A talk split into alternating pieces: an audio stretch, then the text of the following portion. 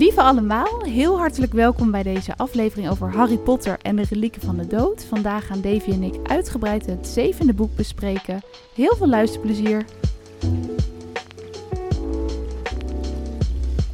Nou, het is zover. Vandaag de zevende aflevering over Harry Potter. Ongelooflijk. En ik kan jullie verblijden met dat Davy gezellig van de partij is. Hallo. En ja, we hebben er heel veel zin in. We hebben er heel erg naar uitgekeken. Het voelt ook wel gek dat we nu al gewoon al bij het laatste boek zijn aanbeland. De Relieken van de Dood. En heb jij het ook weer herlezen, Dave, boek 7? Ja, eh, ja deels op Storytel en deels eh, het boek zelf.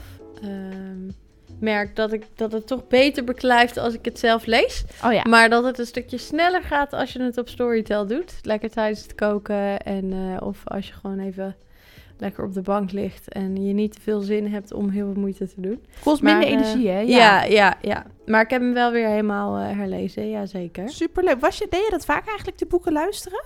Op? Eh, nee, dat, dat is een tip van jou. oh ja, grappig, ja. ja, dus nee, in de zomervakantie de eerste Storytel boeken geprobeerd.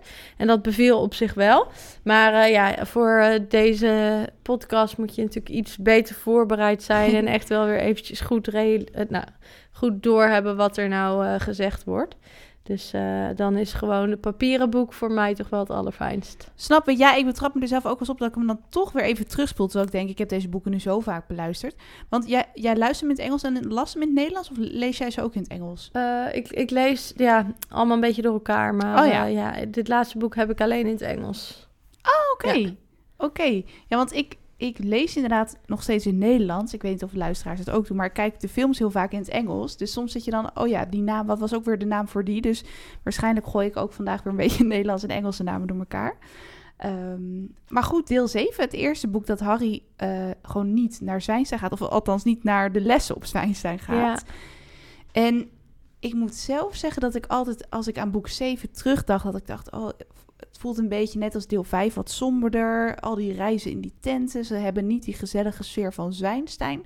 Maar ik herlas het weer, volgens mij zag ik dat ook bij het vorige boek. En toch zit er zoveel weer in het boek dat je denkt, het is eigenlijk gewoon een hartstikke gaaf boek. Helemaal niet alleen maar heel somber. Ja, het is wel somber, maar Ja. Nee, niet ik, saai. ik, moet zelf, ik, ik ben zelf wel eh, van de avontuurlijke boeken. Dus ik stoorde me daar ook niet aan. Dat ze in met de tent gingen reizen en zo. Dat vind ik eigenlijk, vond ik wel weer leuk. Want het was heel anders dan alle boeken daarvoor. Eh, je hebt, krijgt toch wel een stuk minder mee van de Wizarding World, zeg maar. Omdat ze toch veel met z'n drietjes zijn. Ehm, Ja, en je mist soms inderdaad een beetje die humoristische scènes met, met Fred en George en met eh, de andere leerlingen en de lessen en zo. ja. Ehm, en ja, Ja, maar ze hebben dan ook wel weer stukjes natuurlijk wel ingewoven. Hè? Aan het begin eh, zijn eh, Fred en George natuurlijk nog. En, eh, ehm, en daar hebben ze wel wat humoristische scènes. En ook de bruiloft. Met, ja, precies. En als Charlie komt, dat ze met die tafels gaan vechten. En, en de radio natuurlijk. Dat is ook wel, nou, wel heftig met al die namen die ze dan gaan noemen die het niet overleefd hebben. ja, Maar ook wel dat zij toch wel weer de humor terugbrengen. Precies. Dat, dat ze ook voor het eerst dan weer gaan lachen in die, in die barre tijden. Ja. Ja. En ja, de bruiloft, dat, dat, dat blijf ik gewoon leuk vinden om te lezen. Omdat ik gewoon dat nest, die sfeer gewoon heel uniek, heel gezellig vind. ja. Ehm, maar in het begin van het boek gebeurt er ook gelijk best wel veel. En ehm, ik, hoe, hoe vond je het trouwens? Want hij gaat, Harry gaat afscheid nemen van de Duffelingen natuurlijk. Ja, Officieel. En dat blijf ik toch altijd wel een beetje opvallend stukje vinden. Want je zou denken, ja, ze zijn ergens toch een soort van menselijk. Maar het is toch echt dat ze gewoon geen goed woord over hun lippen krijgen. Eigenlijk alleen Dirk. ja, ja, en dat is natuurlijk ook wel bijzonder, want hij zegt eigenlijk heel weinig. Hij zegt alleen, eh, eh, ik vind niet dat jij een, eh, een wat is het, waste of space bent. of zo. ja. Ja, ehm, en dat is al, doordat het uit zijn mond komt, of all people, dat het wel heel erg beklijft. Maar eh, ja, het, het, het is een bijzonder gezin. Ehm, ik vind wel, maar dan ga ik eigenlijk gelijk al helemaal naar achter in het boek. Moet ik natuurlijk niet doen, maar dat ga ik toch doen. Mag. Ehm, dat je hierin wel iets beter begrijpt waarom Petunia zo'n hekel heeft aan Harry. Denk ik. Eh, omdat je ineens leert dat ze eigenlijk stiekem jaloers is. Ja. Eh, hè, dat ze, de zusje die altijd de beste vriendinnetje was, die ineens een, uh, een tovenares is. En die mag dan naar Zwijnstein en eigenlijk wil zij dat ook. Ehm, en dan, dan mag ze niet, want ze, zij is geen, uh, geen tovenares. En dan is ze, nou, vindt ze heel verdrietig. En dus dan realiseer je nu dat hè, ze volgens mij ergens aan het begin, in het eerste boek, zegt ze ook uh, van ja, en toen lag je voor de stoep en toen wisten we eigenlijk gelijk al, of toen was je geboren en toen wisten we eigenlijk gelijk al dat je net zo een zou zijn als je ouders, Ja, weet je wel. En dat zegt ze dan met heel veel haat in de stem, maar eigenlijk is het meer eh, contempt, zeg maar, jaloezie op Ja. dat hij ook wel dat heeft geërfd, terwijl zij dat niet heeft. Dus dat vind ik wel mooi dat dat een beetje naar voren komt in dit boek. Sowieso begrijp je veel meer van waarom bepaalde mensen dingen Ja. op, op een bepaalde manier hebben gedaan. Maar dus ook Petunia krijgt iets meer vorm. Dat vind ik echt zo'n groot pluspunt aan deel 7. Ook gewoon de hele gedachte van Snape. Dat je bijna zin hebt om het gewoon nog een keer te lezen met die wetenschap. Ik las Ja. ook dat iemand, was wel grappig, iemand had een, ehm, een soort recensie gemaakt. En die had dan voor de eerste keer boek gelezen. En bij elk hoofdstuk ging ze dus eh, vertellen wat ze erbij dacht. En hoe ze had verwacht dat het verder ging. En toen op het eind had ze ook gezegd, oké, nu ik dit weet over Snape, wil ik het gewoon Nog een keer. alle boeken eigenlijk bijna gaan herlezen. Ehm, en ja, het schijnt ook dat het laatste hoofdstuk van deel 7 al vanaf het begin van de serie al af was. Dat J.K. Rowling dat ergens gewoon in de kluis had liggen of zo. Ja, en dat moet ook bijna wel. Eh, ja, omdat het dat zo... dat altijd wist. Nou, aan de andere kant vind ik niet dat het, dat het in alle andere boeken dat het heel duidelijk is of zo. Of in ieder geval dat er heel erg, heel erg op wordt gezinspeeld. Nee, het, het wordt stukje bij beetje, maar dat van Snape had je eigenlijk niet kunnen ontdekken, denk ik, als lezer. Nee, nee. Eh, maar daar komen we straks eh, Ja, Vast we nog gaan op. weer te snel. Ja. Ja, even terug naar Klein Zanekum. Klein Zanekum, ja, want de wisseldrank, eh, de zeven potters. Ik dacht, oh ja, ze gaan natuurlijk ook nog eh, als zeven potters eh, reizen. En dat vind ik ook wel weer het goede aan het plot. Maar dat is dus weer het einde. Dan kom je er ook achter van hoe dat idee helemaal tot stand is gekomen. Want het, hè, in het begin denken ze dat is een idee van die, hoe heet hij ook weer? Lavinius Lorrebos Ja. of zo. Die heeft Ja. dat geopperd. En ehm, is het nou een vrij logische manier? Want ze moeten hem volgens mij zo verplaatsen omdat hij het merk nog draagt, hè? omdat hij nog Ja. 16 jaar is. Ja, dus het is natuurlijk dat ze werken met afleiding. eh, dus dat ze niet weten met wie die meegaat. En dan vind ik het ook wel leuk dat ze dan Hagrid kiezen. Want ik kan me voorstellen dat Voldemort nooit zou denken dat ze Harry met Hagrid zouden meesturen. Want hè, een half reus, iemand die door Voldemort van school is verstuurd. Hij zou daar zelf nooit zijn vertrouwen in plaatsen. Dus dat vind ik leuk dat ze dat doen. Eh, en dat je ook merkt dat ze direct eigenlijk achter het dwaaloog aangaan. Want dat is degene waar zij als dooddoeners natuurlijk de meest respect voor hebben. Of Ja. respect is niet het goede woord, maar wel die ze waarschijnlijk het meest angst inboezemt. Eh, dus dat ze ja, er dan voor kiezen om daar achteraan te gaan. En dan, eh, maar dat hij vervolgens eh, eh, dan bij Hagrid is. Nou, je ziet ook dat het misschien niet de allerslimste keuze was. omdat Hagrid hem per ongeluk ook zeg maar uit de lucht laat vallen. Met dat als hij, zijspan eh, wat ja, afbreekt. Oh ja. god, ja. Ja, maar ja, aan de andere kant zie je ook dat hij zijn leven wil geven voor Harry. Dat hij gewoon dan maar, weet je wel... Nou, dat, hij springt volgens mij op zo'n dooddoener. Ja, op zijn bezemsteel. Ja, Eh, bizar, ja, klopt. Dat hij dat er dan voor over heeft. En Harry is natuurlijk volgens mij ook eh, toen hij eh, bij de Ligustelaan werd afgeleverd... ook door Hagrid gebracht, volgens mij, met diezelfde klopt. motor. Ja, ja, ja, Dus dat is ook wel ja, grappig. Ja, Ehm, maar ja, ik, ik, er zit al vrij snel inderdaad heel veel actie in. eh, onder andere Ja. dus dit eigenlijk. ja. Nou ja, Hedwig natuurlijk. Ook wel Oh, ja. super zielig. Ja. Dat ze dan toch op die manier... En dat Harry zich dan ook ondertussen schaamt. Want ja, eh mensenlevens staan op het spel. Dan ga je niet heel verdrietig zijn om je elf. Maar toch, ja, het is je maatje al Ja. sinds je elf bent. Dus zeker.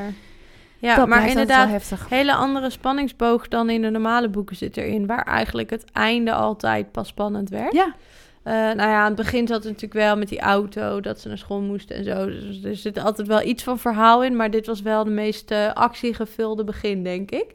precies. Dat Ja. viel mij nu ook weer op. Dat ik dacht, oh ja, het is echt zo'n heel filmisch boek eigenlijk. Ja, Ehm, nou ja, en dat viel mij op. Dat, want je weet, als je zo vaak de boek hebt gelezen als wij, weet je natuurlijk welke mensen gaan ontvallen en welke mensen niet redden. Ja. En, die, en dan denk je, nou, dan, dan is het vast minder heftig om te lezen, bijvoorbeeld van Dwaaloog dat hij eh, sneuvelt. Maar dat elke keer lijkt het wel alsof ik dat toch nog Nou, heftiger vind ja. of zo om te lezen. Ik weet niet wat dat is. Ja, maar je weet ook wat er komt. Dus dan Ja, eh, ga je je er voor schap zetten, zeg maar. Precies. Ja. Nou ja, zeker op het einde. Maar dat, dat, had jij dus ook dat je denkt, oh, daar gaat Dwaalhoog. Dat blijft voor jou dus ook heftig eh, om te lezen. Ja, tuurlijk. Nou, misschien Hedwig inderdaad nog meer dan Oh, Hedwig ook nog natuurlijk, Ja, ja. maar ja, Hedwig is natuurlijk een karakter wat vanaf boek 1 er al in zit. En wat ook een beetje zijn eerste connectie naar de tovenaarswereld was. Plus de enige connectie die hij altijd had als hij thuis was bij de Duffelingen. Dus dat is wel echt eh, nou, een bijzonder karakter wat, eh, wat, dan, wat dan overlijdt. En Dwaaloog kennen we, we kennen hem wel goed, maar ook weer niet Nee, want goed. eigenlijk het hele boek waar Dwaaloog in zit, is hij niet Dwaaloog. Nee. Dus eigenlijk als je terugkijkt, worden maar, zijn er maar een paar stukjes waar hij echt in zit in de boeken. De echte Dwaaloog Klopt. in ieder geval. Ja. Klopt. Ja. En eh, ja, het is gewoon, eh, ja, dat, dat is gewoon wel heel erg heftig. En dat, ja, ja, dat Harry dan dus ook, eh, want dan zijn ze volgens mij, ze gaan naar het nest toch uiteindelijk? ja, uiteindelijk maar eerst naar het huis van, eh, van de ouders van eh, Tonks. Oh ja, klopt. Dat hij dus ook nog denkt dat hij, dat hij Bellatrix daar treft, maar dat is dan die moeder. Ja. eh, Ja. van Tops. Want dat vroeg me inderdaad nog af. Ze hebben dan blijkbaar allemaal beschermende spreuken en zo afges Ja. zeg maar ingesteld. Maar dat werkt natuurlijk nog omdat het ministerie dan nog niet is gevallen. ja, Toch? klopt. Ja. Want eh, anders zou je altijd veilig kunnen zijn als je die spreuken uit zou spreken. Maar dat is omdat het ministerie dan dus nog overeind staat. Nou, en van. ik denk dat het ministerie hier dan toch wel een soort van heeft geholpen. Want uiteindelijk hebben ze natuurlijk ook die Fidelity's Charm en zo Ja, zelf eh, bij het nest en bij eh, de, ehm, eh, de shell, wat is het? oh ja. De schelp. Ja, de Ja. schelp inderdaad, bij Bill en Ehm, Fleur. Ja, precies. Ja. Dus je hebt er niet per se het ministerie voor nodig, maar ik kan me voorstellen dat ze dat hier nog wel, dat, dat die nog extra bescherming of zo konden bieden. Wat dan natuurlijk wegvalt op het moment dat het ministerie valt. Wat wel bij die Fidelis-bezwering, nu we het daar toch over hebben. ehm, nou ja, Harry was op de, op de Ligustelaan was hij veilig omdat hij eh, minderjarig was, denk ik. Omdat hij dan de, de bescherming van zijn moeders liefde had of Nee, zo? niet omdat hij minderjarig was, maar omdat hij het huis waarbij, eh, of tenminste ook wel omdat hij minderjarig was, want ik denk wel dat dat zou vervallen op het moment dat hij volwassen werd. Maar in Ja. ieder geval was het zo dat zolang hij leefde in het huis van iemand waarmee hij het bloed deelt, Oh ja, waarmee hij familieband heeft, eh, zolang is hij beschermd. En eigenlijk op het moment dus dat hij dat huis waarmee hij leeft met iemand met wie hij bloedband heeft, niet meer thuis noemt, vervalt de bescherming van zijn moeder. Ah, oké. want ik zat inderdaad ook heel vaak na te denken... waarom kan hij niet inderdaad naar het nest of zo... maar dat is dus de reden dat hij daar een paar weken Ja, per jaar heen moest. Precies, want hij moest dat thuis noemen. Ja. Ja, Ja. precies. Dan is dat nog wel logisch, denk ik. Ja. Maar ik, ik vroeg me af bij die Fidelis-bezwering... want dat is een soort ja, geheimhoudingsbezwering... dat als één iemand... Ja, je kan het uitspreken... en dan is je huis ja, veilig of onvindbaar. En volgens mij was Arthur Wemel de geheimhouder van het nest... En Bill van de Schelp. Dus de eigenaar van het huis was eigenlijk de eh, geheimhouder, zeg maar. Maar ik, ik eh, keek een filmpje hierover en toen dacht ik, ja, dat is waar. Ehm Pippeling was natuurlijk de geheimhouder van James en Lily. Dat is dan toch eh, eigenlijk heel onlogisch dat je denkt, dat klopt dan niet helemaal. Waarom waren zij niet gewoon zelf de geheimhouder van hun huis destijds? Of zit daar logica achter, denk jij? Nou, ik denk niet anders dan dat eh, James veel waarde hechtte aan vriendschap. En dat hij zijn vrienden dermate vertrouwde.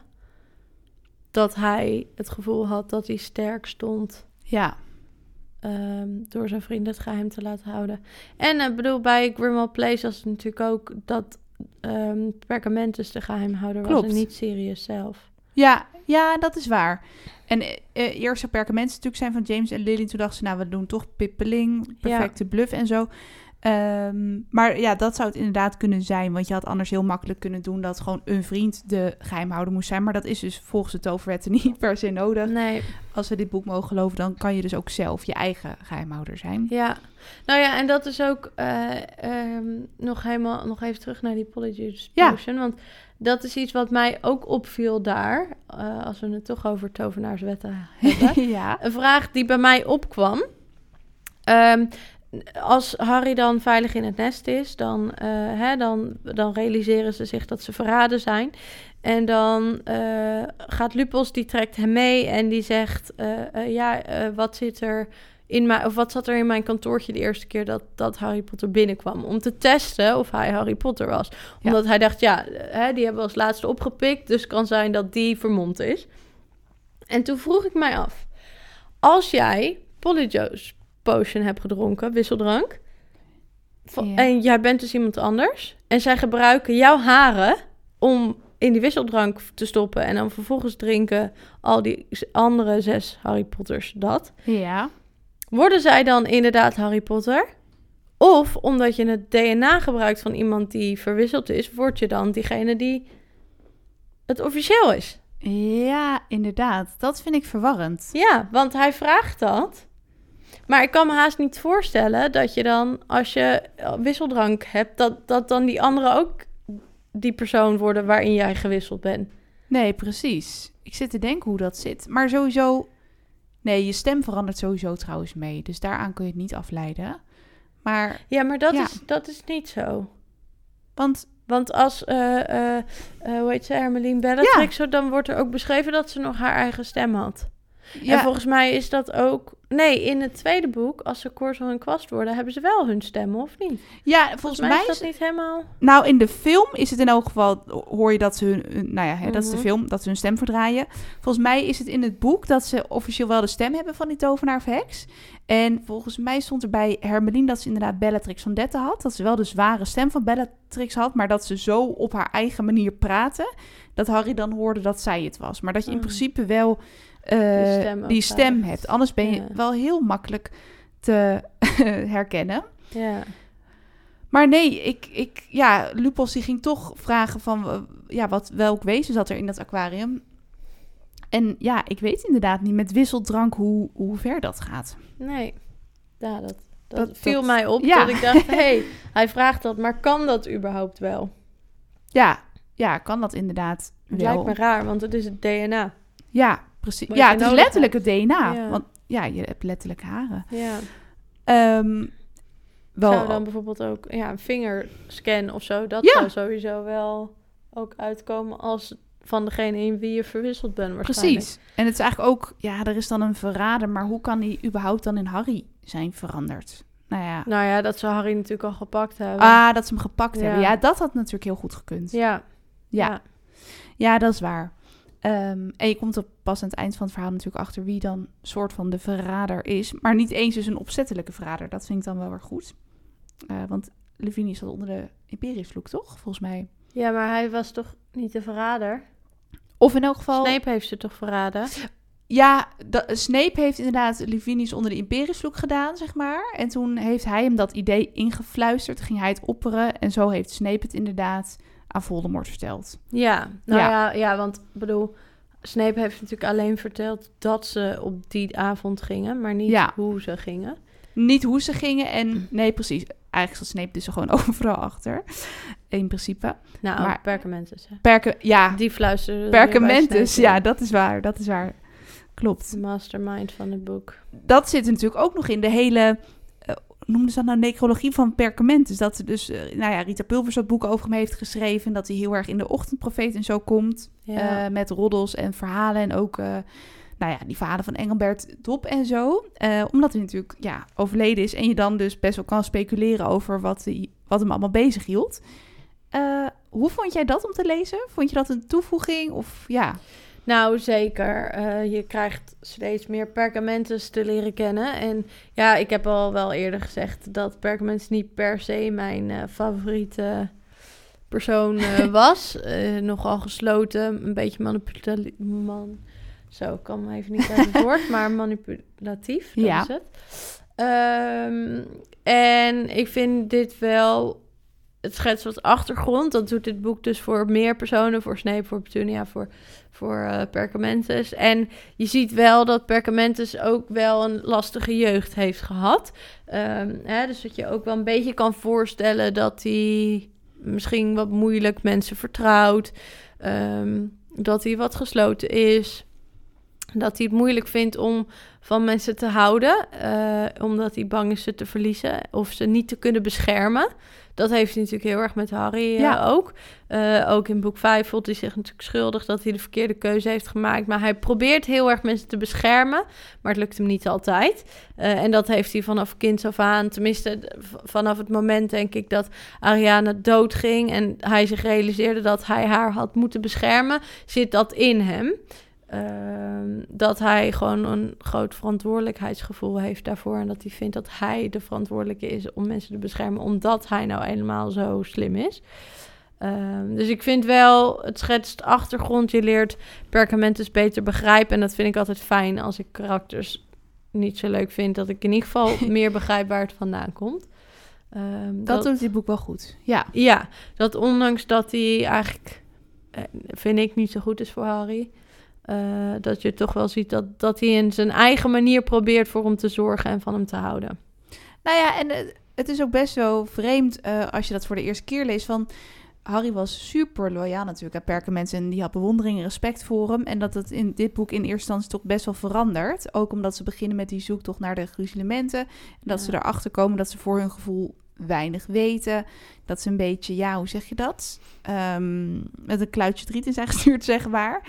Eh, ja, er worden dingen aan hun nagelaten vanuit het testament, de gouden snaai en eh, de uitsteker en, die vertelsels van Baco de Bart. En dat ze ook denken, ja, wat moeten we ermee? Ehm, en dat vond ik op zich wel goed aan het verhaal. Denk ik dat je gaandeweg dan achterkomt wat dat betekent. Eh, maar dat, ze dus, ja, dat het dus ook wel logischerwijs wel kan zorgen voor twijfel aan perkamentes. En dat het dus natuurlijk heel erg lastig is, omdat je het niet meer kan navragen. Ja, nou ja, en het schetst ook wel hoe naïef Harry is. Eh, hè, dat hij zich vastklampt en loyaal is en trouw is aan iedere volwassene die hem liefde toont Ja, of interesse toont. En dat doet Perkamentus natuurlijk. eh, vanaf eigenlijk boek 1 boek al. 1 al, ja. Zie je dat hij wel interesse heeft in Harry. En dat heeft hij natuurlijk niet, nooit gekend. Dus dan zie je dat hij al heel snel ja, loyaal is aan zo iemand. Eh, en dat hij zich nu realiseert hoe naïef hij daarin eigenlijk is geweest. Dat hij eigenlijk geen idee had wie die man was. En hij mocht dan wel vriendelijk voor hem zijn. En hè, er, er altijd proberen voor hem te zijn. En hem uitleg kunnen geven over waarom dingen hem gebeurden, et cetera. Ja, precies. Maar eigenlijk wist hij helemaal niet wie die vent was. Hij realiseerde hij hoe naïef hij eigenlijk is geweest. Dat hij daar zo altijd... ehm, ja, altijd achter perkamenten stond. Ja, en daar nooit over na heeft gedacht van... Goh, hij is natuurlijk nu stokoud, maar hij heeft ook een ander leven hiervoor gehad. Ja. ja, ja. ja, nee, zeker. Dus dat speelt dus ook nog. En eh, wat ik trouwens wel een geniaal item vind in dit boek... wat ik zelf, als ik in de toverwereld zou kunnen zijn... die tas van Hermelien. Dat ik denk, Ja. dat wil toch... Elk persoon wil toch zo'n tas. Want iedereen zegt altijd als ze me zien... heb je nou weer voor gigantische tas bij je? Dat je denkt, je moet gewoon echt zo met kralenbestik tasje... met zo'n, wat, wat, hoe noemden ze het nou? Een of andere, nee, niet een zelfbezwering... maar nou, oprekbezwering, ik heb geen idee. Maar daar, dat ze daar gewoon alles eh, in bij zich had. Dat Ja, eh, dacht ik, oh, ja, dat is wel ideaal, toch? Ja. Ja, dat je alles wat je normaal in je backpack stopt... dat je dat gewoon in een handtasje kan Ja, doen. En dat je het ook gewoon kan sorteren vanuit de tas. Ja, Oh, ja. Dat, dat lijkt me nog steeds geweldig. Ja, ideaal. En toch weer de geniali- genialiteit van Hermelien... dat zij al alles heeft ingepakt, inclusief de boeken. Hoe ze over... Nou ja, volgens mij had ze wel bepaalde boeken over gruzelementen en zo. Die had ze toch uit de kamer van Perkamentus gesommeerd. Ja. Ehm, dat is ook wel vrij knap dat dat is gelukt. Maar goed, eh, ja, dat, dat had ze gewoon nodig. Ja, En gewoon dat ze alles heeft ingepakt. En dat, ja, uiteindelijk gaan ze toch naar dat Grimboudplein. Eh, zijn ze daar eigenlijk gewoon... Ja, ze zijn daar veilig voor de dooddoeners. Want daar is dan ook zo'n bezwering over uitgesproken. Ik zit even te denken hoe dat ook weer zat. De dooddoeners konden het huis niet zien. nee, zolang zij niet hè, gesproken hebben met iemand... Ja, Want het is dan, eh Perkamentus was de geheimhouder, die gaat dood. Dus dan Ja. zijn de geheimhouders iedereen aan wie hij het verteld heeft. En dat zijn natuurlijk niet de dooddoeners. nee, precies. Nee, Ja. inderdaad. Maar waarom zij erop vertrouwen dat Snape er niet komt, dat is wel een beetje vreemd. Vooral omdat ze in eerste instantie durven ze niet. Nee, En dan uiteindelijk gaan ze toch. gaan ze toch maar wel. Want ja, ze willen Snape wel graag tegen, tegen het lijf lopen. En dan zullen ze hem een lesje leren of ja, zoiets. precies. Ja. Ehm, ja. Nou ja, en Knijster, dat vind ik wel op zich wel leuk dat hij terugkomt. Want ja, die, ja daar hebben ze eigenlijk een haat-liefde verhouding mee. Behalve Hermelien, die is natuurlijk helemaal pro-huiselfen. Ja. Uh, en dat is best wel heftig, want ze ontdekken dan wie RAZ is. Ik weet eigenlijk niet of het in het Engels ook RAZ... Nee, natuurlijk niet. Dan is het, nou ja, R-I-B. Ja, natuurlijk. Oh ja. Maar um, dat was de broer van Sirius. Maar Ja. was hij nou eerst een dooddoener en ging hij zich toen toch tegen Voldemort keren? Ja, hij... eh, Dus een beetje een dubbel... ehm, Ja, nou, hij, Oh. hij groeide natuurlijk op in Huizen Zwart. En Sirius was natuurlijk een vreemde eend in de bijt. Maar in principe was dat nogal een pro-Voldemort familie natuurlijk. ja, Eh, dus- pro-zuiver bloed. Ja, dus logisch dat hij, hè, eh, zeg maar als je kijkt naar Nature Nurture, eh, eh, dat hij dat ook beaamde. Eh, maar toen hij realiseerde hoe Voldemort was, en met name toen hij natuurlijk misbruik maakte van zijn huiself, ehm, dat hij eigenlijk voor zichzelf begon te denken. En dacht, hé, hey, hier wil ik eigenlijk helemaal niet aan meewerken. Nee. En toen vervolgens eh, is hij tegen Voldemort gekeerd. Ja, precies. Dus hij was van origine was hij eerst inderdaad dat dooddoener. Ik zat te denken, hoe zat dat ook alweer? Ja. Ehm, en ja, de gruzelementen, volgens mij in eerste instantie weten ze niet zo goed waar ze moeten zoeken. Maar ja, ze hebben misschien wel wat aanwijzingen van Perkament. Want die heeft natuurlijk uitgelegd, het zijn waardevolle voorwerpen voor Voldemort. Onder andere dus die ring. Ja. Eh, die hij had hij al vernietigd, hè? Perkament volgens Ja. mij. Ehm, en ja, daar komen ze een beetje, denk ik... Ik weet niet of ze daar nou steeds per toeval achter komen. Maar bijvoorbeeld dat medaillon, eh, dat hebben ze natuurlijk gevonden. En dat, toen dachten ze ineens van, hé, hey, dat hebben we hier ergens zien liggen. En toen ging ze Knijzer oproepen, volgens mij, toch? Zo zat het, toch? Eh, ja, ja, nou, ze kwamen er eerst achter dat die initialen hetzelfde waren Ja. natuurlijk. Dat Oh, ja. ze op de deur van... Ja. eh, Ja, van die kamer inderdaad. Ja. Ehm, en vervolgens gingen ze nadenken of gingen ze zoeken. En uiteindelijk realiseerden ze zich dat ze dat, dat, ze dat medaillon eerder hadden gezien. En Ja. vervolgens Knijster vragen, waar is het? En die vertelde dat eh uh, Lorrebos het had meegenomen. Ehm, en dan laten ze die natuurlijk weer ontvoeren door Knijster. Ja. En dan vertelt die dat, eh eh, Omber, eh, dat Omber hem heeft. Oh, Maar Dat ja. vind ik sowieso, dat vind ik wel in dit boek. Ehm, op zich zit het allemaal heel goed in elkaar. Mm, Maar ja. het is ook wel een beetje dat alles ook wel heel goed in... Een beetje te goed in elkaar Ja. valt, zeg maar. Het is wel vaak bij toeval of dat hij ineens een gevoel had dat hem ergens naartoe stuurde, ja. zeg maar. ja. Eh, dus het is soms wel een beetje te veel eh, dat het allemaal net even op zijn plekje eh, valt. Ehm, er Ja. zit heel veel goeds in, hè, wat al geschetst werd vanaf dag één. En dat je aan het einde denkt, oh wauw. Maar ja, wat ik zeg, er zitten ook wel heel veel momentjes in dat hij, dat hij ja, ineens het gevoel had van ik moet hier naartoe of zo. Precies. Ehm, ja, wel een beetje makkelijk soms. ja, vond je dat bijvoorbeeld ook bij die zoektocht naar de gruzelementen? Ja, nou ja, kijk, eh, hè, dat, dat ze natuurlijk starten met dat, dat ze ineens die kamer vinden, dat het toevallig Sirius broer is. Ik bedoel, als dat nooit was gebeurd, dan, dan waren ze waarschijnlijk nooit uitgekomen. Nee. Eh, dus dat was natuurlijk wel de eerste eh, setup. Ehm, en vervolgens, nou ja, was het natuurlijk dat ze ontvoerd zijn door de... eh, Ja, hè, dat ze in Man eh, eh, Malfoy Manor terechtkomen. Als dat niet was gebeurd, hadden ze nooit in Goudgrijp gezocht. nee. Dus de enige locatie waar ze zelf achter waren gekomen, wat vervolgens beaamd wordt door Voldemort, is Zwijnstein. En dat is eigenlijk dat Ron en Hermeline iedere keer zeggen: nee, nee, dat, dat kan niet.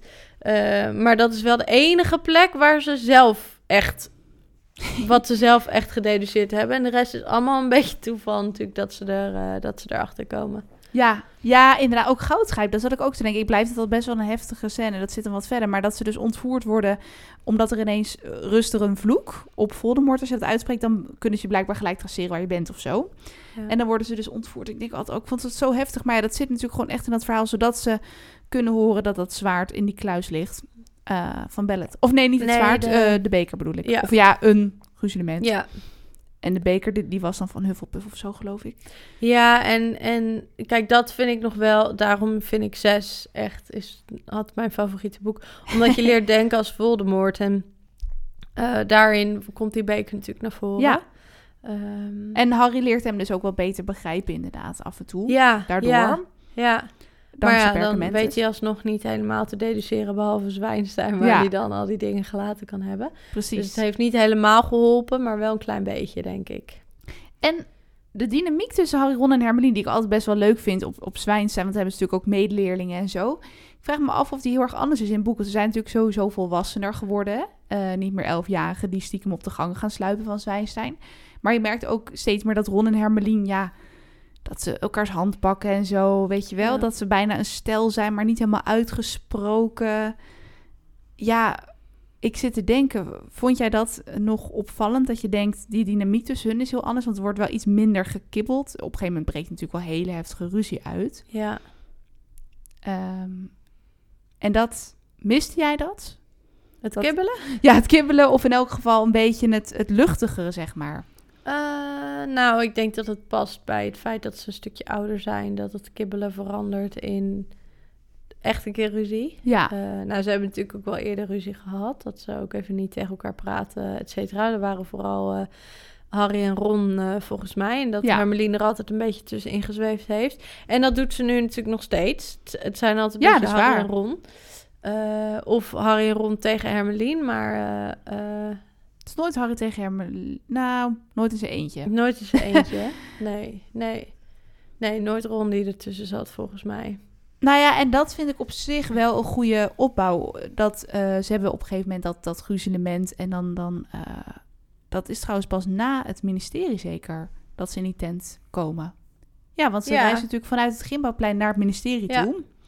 Ehm, Omber, dat je denkt, ja, dat vond ik altijd gewoon zo'n verschrikkelijk karakter. Wel leuk dat ze dan weer even in, in dat, dat ze in dat ministerie komen. Maar wel heftig om te lezen hoe erg het gewoon oorlog is. Dat gewoon dreuzeltelgen, weet je wel, dat die niet meer veilig zijn. Mensen van zuiver bloed, eh, dat die het overnemen. Dat is toch wel heel, heel heftig en duister. Gewoon echt meer de grote mensenwereld, zeg maar. Ja, heel eng. Heel eng. En ehm, ja, ik, dat vond ik dan wel, dat is wel een van mijn favoriete scènes. Dat ze daar dan heen gaan. Dat ze ook weer, volgens, hebben ze daar ook wisseldrank? Ja, volgens mij gebruiken ze ook Ja. deels wisseldrank daar. Dus dat speelt ook een belangrijke rol. Eh, en dat ze daar dan eigenlijk binnen zijn, dat ze dan eigenlijk helemaal niet zo goed weten wat ze nou moeten gaan doen. Maar toch slagen ze dus in om dat gruzelement te pakken. Ja. Ehm, Nou ja, wat ik leuk vind aan deze scène is dat het de eerste keer is nu in dit boek dat ze iets heel goed plannen. ja, en dat, eh, dat vervolgens, eh, nou ja, dat het één grote mislukking ja, wordt. een groot fiasco. Dat het helemaal ontploft. Eh, hè, wat- ik een heel mooi verhaal vind, maar eigenlijk ook heel verdrietig. Eh, of nou ja, dat je denkt, potverdikkie, hoe kan je dat nou weer kiezen? Is dat ze iemand dan, hè, dat Ron die man wordt, wiens vrouw Ja. terecht staat.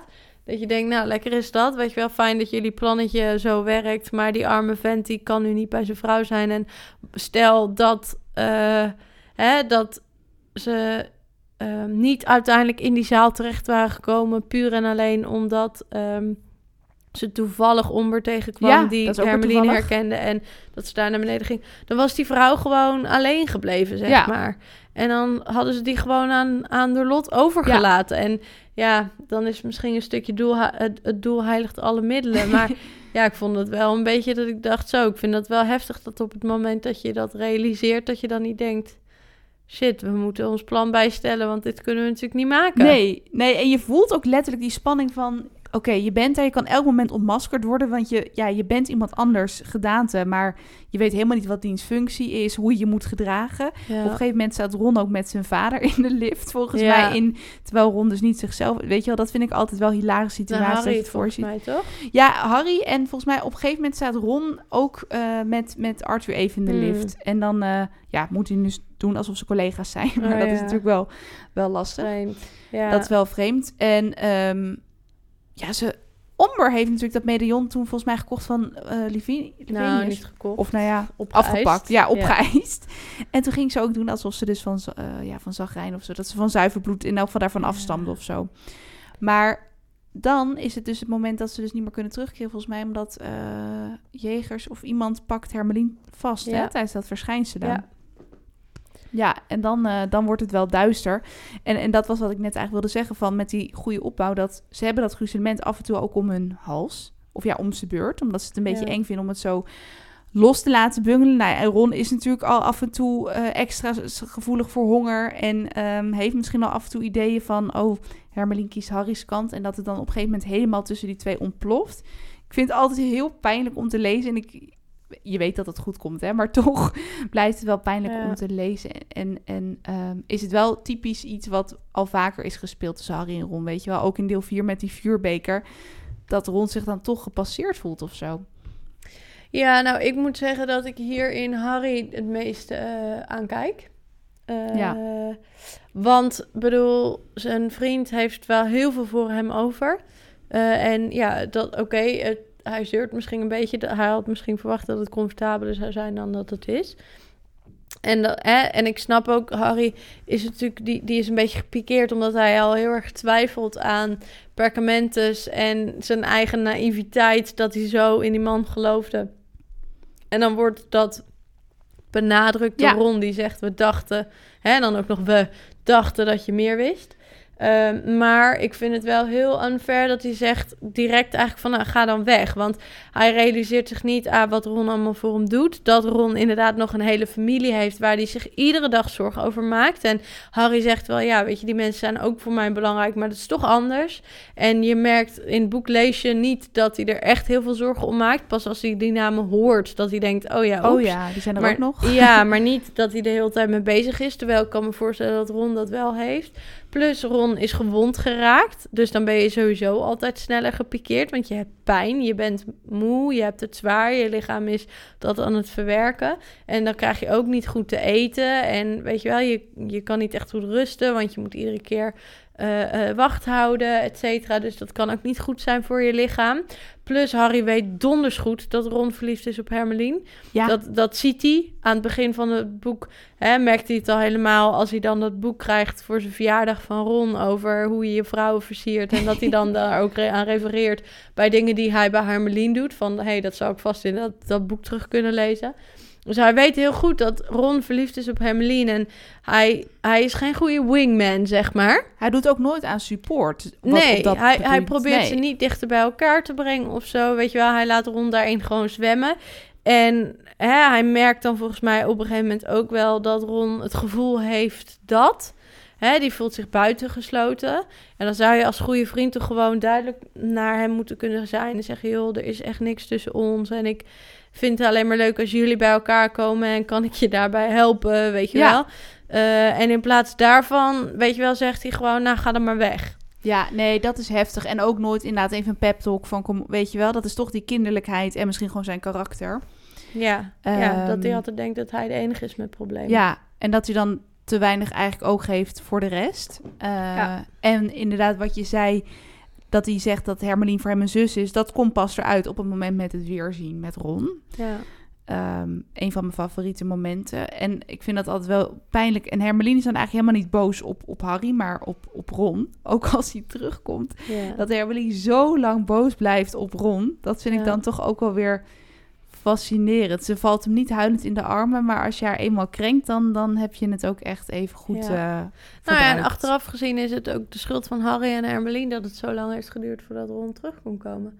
Ja. Want het, het duurt totdat zij eindelijk hun na zijn naam weer uitspreken, Dat is wel een leuke, ja. totdat hij terugkomt, kan komen. Pas toen ze het over die toverstok hadden, omdat eh, Harry's toverstok was geruineerd, inderdaad. Ja, dan zeggen ze Ja. Ron en dan, dan gaat die aansteker eh, zijn werk doen, zeg maar. Ja. En in de tussentijd hebben ze zichzelf best een beetje in de panarie ge- gewerkt natuurlijk. Zo, echt, die, die scène in Goderiks Eind, dat blijf ik zo'n nare scène vinden. Voor mij ook in de film is dat echt een beetje zo'n horror scène, zeg maar. Ja, ja dat is Ehm, echt wel een beetje creepy, ja. Dat je denkt van, dat, was het nou gewoon Nagini die in Mathilda's lijk zat? Ja.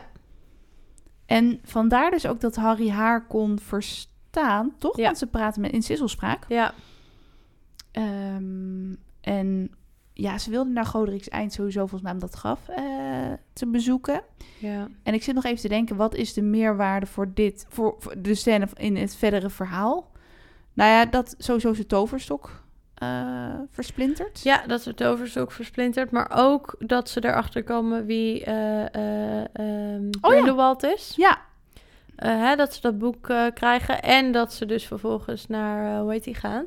Ehm, Leeflang. ja, Ja. oh, vanwege die relieken van de dood. Omdat Hermelien ziet dat, dat hij dat als handtekening gebruikte. Werd Albus. Grindelwald nou eigenlijk vermoord door Voldemort?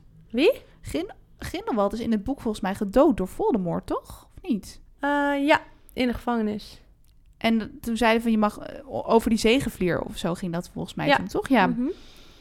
ja, en als ze inderdaad naar Leeflang gaan, dat vind ik ook wel fijn, want nadat ze bij Leeflang zijn geweest, bekoelt het weer een beetje tussen, tussen Ron en Hermelien. En dan zitten ze ook al vrij ver, zitten we dan volgens mij in het verhaal. Eh, Ik vind dat trouwens wel altijd zo'n mooi stukje. Dat is zo tekenend voor Hermelien. Dat ze wil dat ze gezien worden, Ja. zodat leeflang niet gestraft wordt. Ja, oh, dat vond ik zo sneu dat hij dan deed alsof Luna inderdaad zijn dochter, dat, hij, dat, hij, dat ze terug zou komen en dat hij Ja. gewoon hun ging helpen. Want ja, hij wil natuurlijk zijn dochter terug. Ja, Oh, dat vind ik altijd zo ja, hartebrekend of zo. En dat ze dan Ja. toch zo slim is om te denken, oké, ik, ik laat alles, eh, ik laat die trap of zo instorten, dat we naar beneden suizen en dat ze ons toch nog zien. ja, En Ron onder de onzichtbaarheidsmantel ja ook nog. precies. Ja, Ehm, ja, slimme dame. En dat vond ik aan het begin ook wel, wel sneu. Dat, dat Harry zei van, ja, weten jullie het echt zeker dat jullie met me meegaan? En dat Hermeline ook een beetje emotioneel wordt. Want ze zegt, ja, mijn ouders weten niet eens meer wie ze zijn, dat ze een dochter Ja. hebben.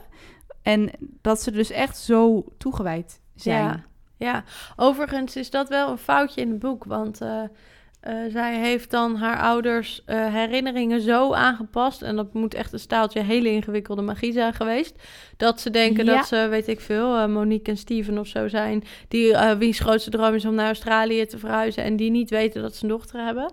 En dan vervolgens, als zij in, ehm, eh, wat is het, Piccadilly Circus volgens mij Ja, in Londen ergens zijn ja, ze. Dan, dan, klopt, ja. dan komen ze die dooddoeners tegen, bloedhonden.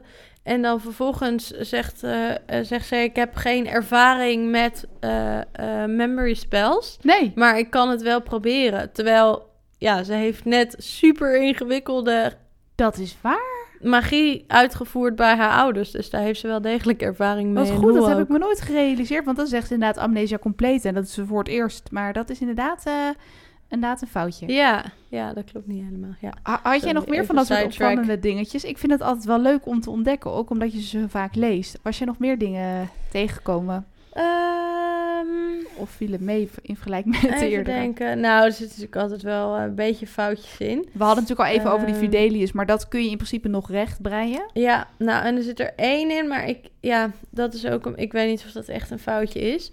Ehm, en dan gaan we gelijk weer helemaal naar het einde van het boek. Oh ja, nou dat geeft Ehm. niet. Ik denk dat iedereen die, die luistert, dat ze het wel weet hoe het in elkaar zit. Nou ja, dus Ja. helemaal aan het einde van het boek, ehm, dan ehm, wil Voldemort Snape vermoorden om toegang te krijgen, of tenminste om, om echt te horen bij de Zegevlier, of dat de Zegevlier echt naar hem eh, luistert. Omdat hij denkt dat hij naar Snape luistert, wat vervolgens niet waar blijkt te zijn, maar goed. Nee, Maar wat hij dan doet, is dat hij Nagini gebruikt om hem te vermoorden. Ja, heel raar. Maar, en dan gaan we nog even veel verder, want eh, dan moet je ook de, eh, de boeken hebben gelezen, of in ieder geval de films hebben gezien van ehm, eh, Fantastic Beasts and Where to Find Them. Ah, Nagini Ja, is een persoon. Ja, dat, dat weet ik dus niet. Hoe zit dat precies? Want ik heb die films niet gezien. Oké, nou, zij, eh, zij is een persoon en ehm, zij is een persoon die ook een slang kan worden.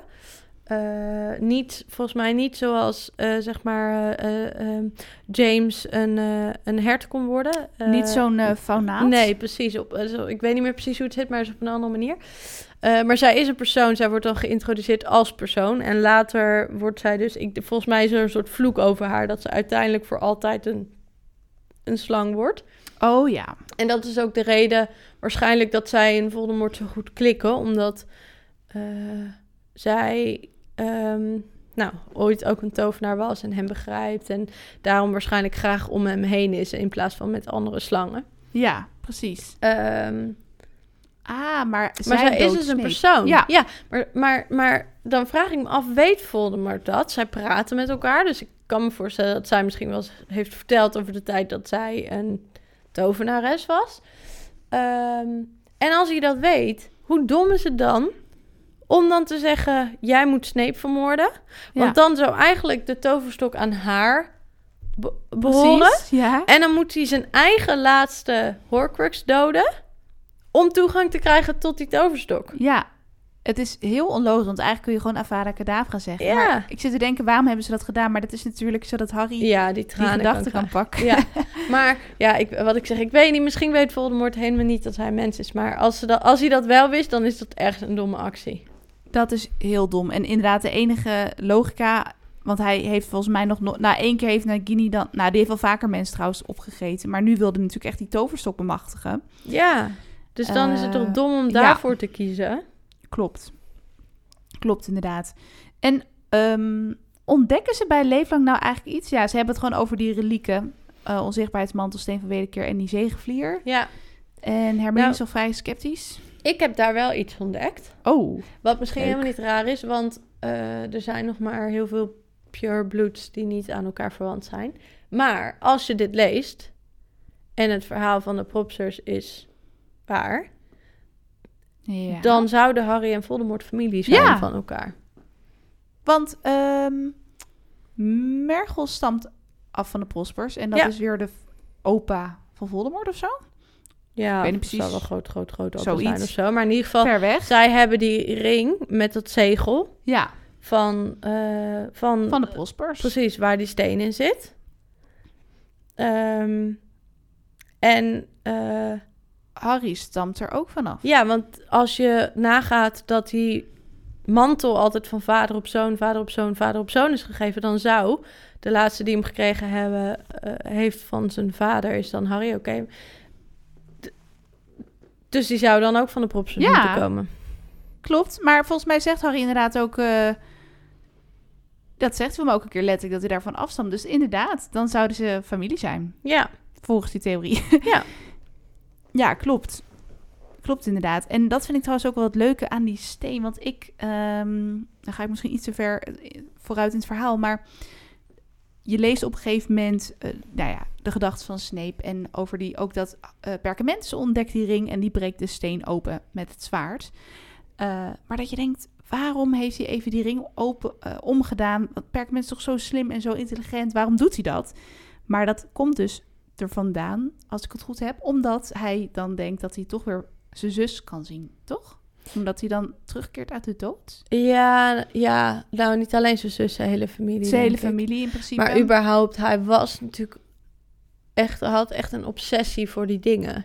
Ja, Dus hè, hij heeft niet voor niets toen ook die mantel van eh, Harry's vader geleend om daar onderzoek naar te doen. En nu ook, ja, hij heeft dat ding in zijn hand. En dan wil hij dat natuurlijk niet zomaar. zo'n krachtig Kapot magisch. maken. Ja, Dus ja, waarschijnlijk eh, ja, voelt hij dan toch een beetje aantrekkingskracht. precies.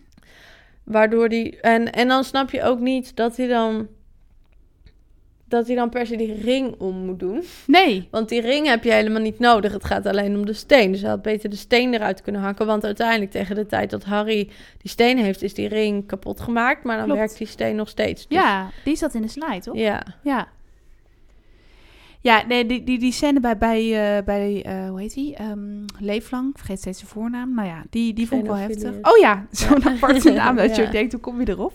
Ehm, en dan keren ze volgens mij wel redelijk heel huids nog terug naar de tent, toch? Want dat duurt nog wel even voordat ze in Goudgrijp belanden, want ze moeten eerst ontvoerd worden, ja, klopt. volgens mij. Ja, ja, ja. Ja, dan gaan ze eerst terug en dan spreekt Harry de naam Voldemort uit. Een paar dagen later of zo, of misschien een paar weken later. Het is soms een beetje lastig om de tijdslijn in Ja. het boek te begrijpen. Want dat inderdaad, ik dacht eigenlijk dat die vloek dus al vanaf het begin is, maar dat is dus later gekomen. Want ze zeggen in het begin van het boek best wel vaak Voldemort. En Ja. eh, dat is wel vreemd, want in Londen, precies wat jij net beschreef in Piccadilly of zo. Ja, daar begint het al. Maar, Maar, daar blijkbaar begint zegt het. ze het daarna niet meer. Ja, dat klopt. Volgens mij want... zegt ze het daarna dus wel. Ik ging erop letten en ik vond dat heel vreemd. Oh. Want in ieder geval vanaf het moment dat ze in de tent zitten, zeggen ze het niet meer. Want Nee. dan is, is Ron al zo gepikeerd en dan zegt hij, ja, hou op met zeggen van die naam. En Ja. dan, dan stoppen ze ermee. Maar ik weet eigenlijk niet in de tijd dat ze in eh Grimhoutplein zitten of ze hem dan gebruiken. Want ik dacht inderdaad, oké, dat is de verklaring dat die bloedhonden hun gelijk traceerden in dat café. Ja, Eh, maar op een gegeven moment kwam Lupos kwam naar Gimbaplein toe. Ja. Ook alweer trouwens een heftig fragment. En ehm, daar, daar zegt ze volgens mij Voldemort, maar misschien, misschien heb ik het fout. Ehm, dus dat, was dat vond ik dan een tikkeltje onlogisch. Ja. Nou, scherp. Ik heb dat niet, uh, is mij niet opgevallen, maar... Maar het is wel een slimme manier om ze zo te pakken. En eh, wat vond jij trouwens van dat stukje met Harry en Lu- Lupos? Vond je dat, dat, dat, ja, dat Harry daar een punt had? Ja, nee, ik bedoel...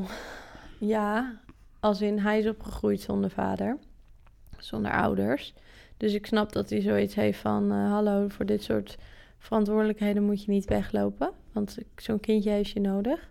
Ik snap ook wel dat Lupus, die voelt zich natuurlijk altijd schuldig tegenover iedereen om zich heen. Eh, maar hij is zo goed voor de mensen om zich heen... dat Harry dat ook niet helemaal kan voorstellen, Nee. denk ik. Hoe, hoe Lupus daarin zit. Ehm, hè, Harry heeft het zelf regelmatig ook dat hij er vandoor wil... omdat hij niet wil dat hij een probleem is voor, Voor de, de mensen om ja. zich heen. Ja. Ehm, dus hij geeft Lupus niet helemaal genoeg credit... maar ik snap ook wel waar het vandaan komt bij Harry... dat hij zoiets heeft, hallo, weet je, jij, jij, neemt, jij ontneemt zelf de kans voor jouw zoon om op te groeien met je vader. ja, Terwijl bij hem is dat afgenomen en James Potter heeft die keuze nooit kunnen maken. nee, precies. Nou, en gelukkig komt het dus toch dat hij peetvader wordt van Teddy. Ja, ehm, dus het komt ook ja. helemaal goed. En Lupus die denkt waarschijnlijk, ja, dit had ik gewoon even nodig. Dit had ik even, even Ja. nodig. Ja. Ehm, ja, er zijn zoveel dingen ook te bespreken dat ik denk, wat, wat is nog even bespreken waar. Maar ik vond wel altijd de, eh, zeg maar, het fragment dat zij zitten opgesloten in, in Goudgrijp. En dat dus ook Dobby aan de pas komt. Eh, wel een memorabel stuk. Eh, en ook dus dat... Dat ze in Ma- Malfoy Manor... Sorry, ik zeg Goudgrijp, Ja, maar ja. ik bedoel Ik inderdaad... dacht dat Dobby in... Ja. Ja, ja, ja. ja, ik in die villa, in die kelder. Dobby. En daar ontdekken ze natuurlijk ook Luna en Olivander en Daan en zo. Ja, en dus dat Perkament toch gelijk had wat betreft dat Pippeling bij Harry in het krijt stond. ja. Eh, want ja die, ehm, die, die, ja, die vermoordt zichzelf eigenlijk onbewust. Ja, dat vind ik altijd nog een hele rare scène. Ik snapte dat nooit. Ik snap dat nog steeds niet helemaal hoe dat nou zit. Dat hij inderdaad in het krijt staat.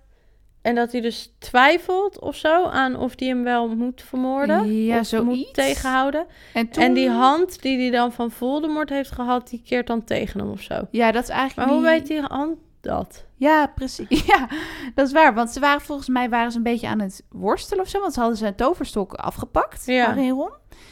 En ja, dat zou ik nog eens na moeten lezen. Maar wat nou daar de reden die, achter is? volgens mij, hij, d- die Peter Pippeling, die, die twijfelt een seconde. Ja, Waarschijnlijk inderdaad omdat hij denkt, ik, ik sta bij hem in het krijt. Hij heeft toen de tijd mij niet laten vermoorden, dus ik kan dat nu, hè, kan dat nu niet, ik moet dat nu terug doen. En dat door die twijfel of zo die hand hem aanvalt, zoiets denk ik. Maar ik weet niet, ik, ik vind dat dat een beetje een vaag stukje. ja. Had, dat is misschien ook weer een gevalletje. Zo konden ze gewoon lekker uit die kelder ontsnappen. Ja, precies, hadden we even nodig. Ja. En, eh en Hermelien redden. Ja, en altijd wel heel naar om te lezen dat ze dan zo gemarteld wordt met die Bellatrix. Ik ben zelf toch ook te- dat je denkt, die Bellatrix, net als Vol, die heeft wel een beetje bijna een Voldemort gehalte qua griezeligheid op een of andere Ja. manier. ja, Ehm, ja, ook echt van genieten, hè? ja, echt van genieten. En met, met Crucio en, en Cruciatus en dat soort dingen. En ook met een mes ook echt. Dat je denkt, waarom heb je een mes nodig als je een heks bent? Maar goed, dat, Ja. eh, dat, daar geniet ze van waarschijnlijk. Ja, precies. Ja. Maar ik weet nog dat ik in de bioscoop zat, dat ik deel 1 zag eh, van, van, de, van, ja, zeg maar 7 eigenlijk gewoon zag, deel 7 van de film. En dat het eindigde met Toby. Volgens mij was dat letterlijk het einde. En dat staat zo in mijn geheugen, dat jij dat misschien ook weet. Dat blijft zo ontzettend Ja. zielig. Ja, ja, er gaan echt wel heel veel personages dood. Ja, heel veel lieve, leuke. ja, ja, het doet wel pijn. het, het, het doet pijn en dat je dan ook een vrije elf is, dat ze dat op zijn op z'n graf zetten. Ja. En, en, en dat hij dan... Nou, en dan begint volgens mij ook, nou misschien iets eerder begon dat trouwens al, maar dat hij dus gaat twijfelen over de, over de relieken. Ja. Eh, of ja, hè, relieken of gruzelementen. Ja. En dan komt het natuurlijk ook goed uit dat ze Olivander zijn tegengekomen en Grijpaard Ja. zijn tegengekomen. Nou ja, eigenlijk is dit meer het moment dat hij niet meer twijfelt, hè? Oh nee, nu was hij juist hij beslist hier. Ja. ja, hij beslist hier. Perkamentus, ik, dat hij weer gaat vertrouwen op Perkamentus. Misschien een beetje doordat Dobby gestuurd is door die blauwe ogen. Ja, oh ja, door die spiegel. Ja. En eh, ik vertrouw weer op Perkamentus. En Perkamentus heeft mij altijd verteld over de Horcruxes en niet over de relieken van de dood. Dus ik moet gaan voor de Horcruxes. Ja, dat is wel waar. Hij herwint dat vertrouwen inderdaad Ja. op dat moment. Ja, Ja, ja. ja. dat is waar. Ja, en waar dat precies vandaan komt, weet ik niet. Ja, wat ik zeg, misschien speelt het dat hij denkt dat Dobby gestuurd is door die blauwe ogen. Of dat hij zich weer gewoon even door Dobby te zien misschien weer realiseert hoe goed Perkamentus was. Want dat is denk ik ook leuk. Je merkt in het boek dus dat een huiself gewoon loyaal is naar degene die goed voor hem is. En Ja, dat is ook de reden dat, denk ik, in, in, in Zwijnstein, waar natuurlijk Hermeline al die mutjes breidt en zo in deel 4, eh, waar die elfen allemaal niet weg willen. Terwijl zij zoiets heeft van ja, maar hè, ze worden als slaven behandeld, et cetera. Maar er zit iets in de elf die wil verzorgen, in de huiself. Die, de- hè? En ze zeggen altijd ja, ze vinden het leuk om. Maar ze vinden het alleen leuk op het moment dat, dat de persoon die ze dienen ook goed voor ze is. Ja, en dat dan ze zijn ze uber loyaal. En dat zie je dus met die huiself in Zwijnstein ook. En dat zie je met Dobby, die heel loyaal is naar Harry, die de eerste persoon was die goed voor hem was. Dat zie je aan Knijster, bij wie ze dan op een gegeven moment hun houding veranderen. En die dan ineens heel loyaal en lief voor ja ze dat wordt. hij helemaal verandert. Ja. ja. Ja, dus, eh, nou ja, ik weet niet. Misschien had het iets te maken met Dobby weer Ja. zien of zo, dat hij het vertrouwen weer won. Precies. Maar dat is wel het moment dat hij weer in Perkamentus gelooft. En dat hij inderdaad ervoor kiest om te gaan voor de gruzelementen en niet de relieken. Die huiselfen hebben ook wel iets fascinerends, omdat ze natuurlijk gewoon kunnen verschijnselen, terwijl tovenaars dat dan weer niet kunnen Ja. in die kelder. Dus die elfen hebben eigenlijk best wel veel krachten. Ja, en dat is, dat is ook een Voldemort die alle wezens die niet tovenaars zijn, niet serieus neemt. Dat hij altijd denkt dat tovenaars de sterkste wezens zijn en daardoor over het hoofd ziet Ja, wat die huiselfen kunnen. Hè? Dat is ook met, met het medaillon. Dat hij denkt, nou, ik laat die huiself hier achter, want die kan niks. En niet realiseren dat die huiself daar gewoon vandaan kan verschijnen. ja dat is zijn Hij- eh, tekortkoming. Ja, Ja. ja, hij, hij, hij ziet dat niet in. Dat er beesten zijn of, of wezens zijn die sterker zijn dan hij. Nee, klopt. En dat is inderdaad de fout die meerdere malen wordt, eh, Ja. wordt gemaakt. Ja, En ehm, ik, ja, die kobolden, want hij gaat, Harry gaat natuurlijk op een gegeven moment een soort, ja, deal sluiten met Ja. Grijphaak. En dat Bill hem dus ook al waarschuwt. En dat vind ik ook altijd wel interessant, dat, ja, Bill die werkt natuurlijk al heel lang bij Goudgrijp, zeg maar, volgens het verhaal. En die weet hoe die kobolden gaan. En dat het toch echt wel iets anders is dan een deal sluiten met tovenaars. ja, En dat die kijk van Kobold dus ook is dat als je dat, eh, dat bijvoorbeeld die tiara van die tante Marga, dat die dus aan een kobold toebehoort omdat ze het hebben gesmeed. ja. Dat vind ik dan wel weer leuke toverfeiten Ja. die door het verhaal heen zitten. Ja, ja, ja je leert echt die, die wezens beter kennen hier. Dat vind ik wel ook heel leuk. Precies. En nou ja, je komt er dus ook achter dat, nou ja, dat Bill gelijk krijgt. Ja, ja. Ehm, en ja, weer heel lekker veel actie dat ze dus naar Goudgrijp gaan. Ehm, en daardoor mis je misschien ook bijna niet dat ze niet echt op Zwijnstein zijn in de leerlingenkamer of zo. Want het, het leest wel in principe als een trein, vond ik. Het verhaal. ja, zeker. En ehm, ik zit te denken, ja, want dan vind je het eigenlijk terecht dat ze hier twee films van hebben gemaakt? Even tussendoor. Ehm, nou, ik begrijp het. Want er gebeurt heel veel. En je wil niet dingen weglaten. Maar ik ben het er niet altijd mee eens waar ze voor kiezen om dan wel weg te laten. Ja, dat blijft een lastig Ehm, dingetje met een boek natuurlijk. Ja, Ja, ja. Maar eh, nee, ik, ik begrijp het wel. Want het was echt... Ook omdat je anders niet kan voorstellen hoe lang ze bijvoorbeeld in die tent aan het reizen waren en zo. nee.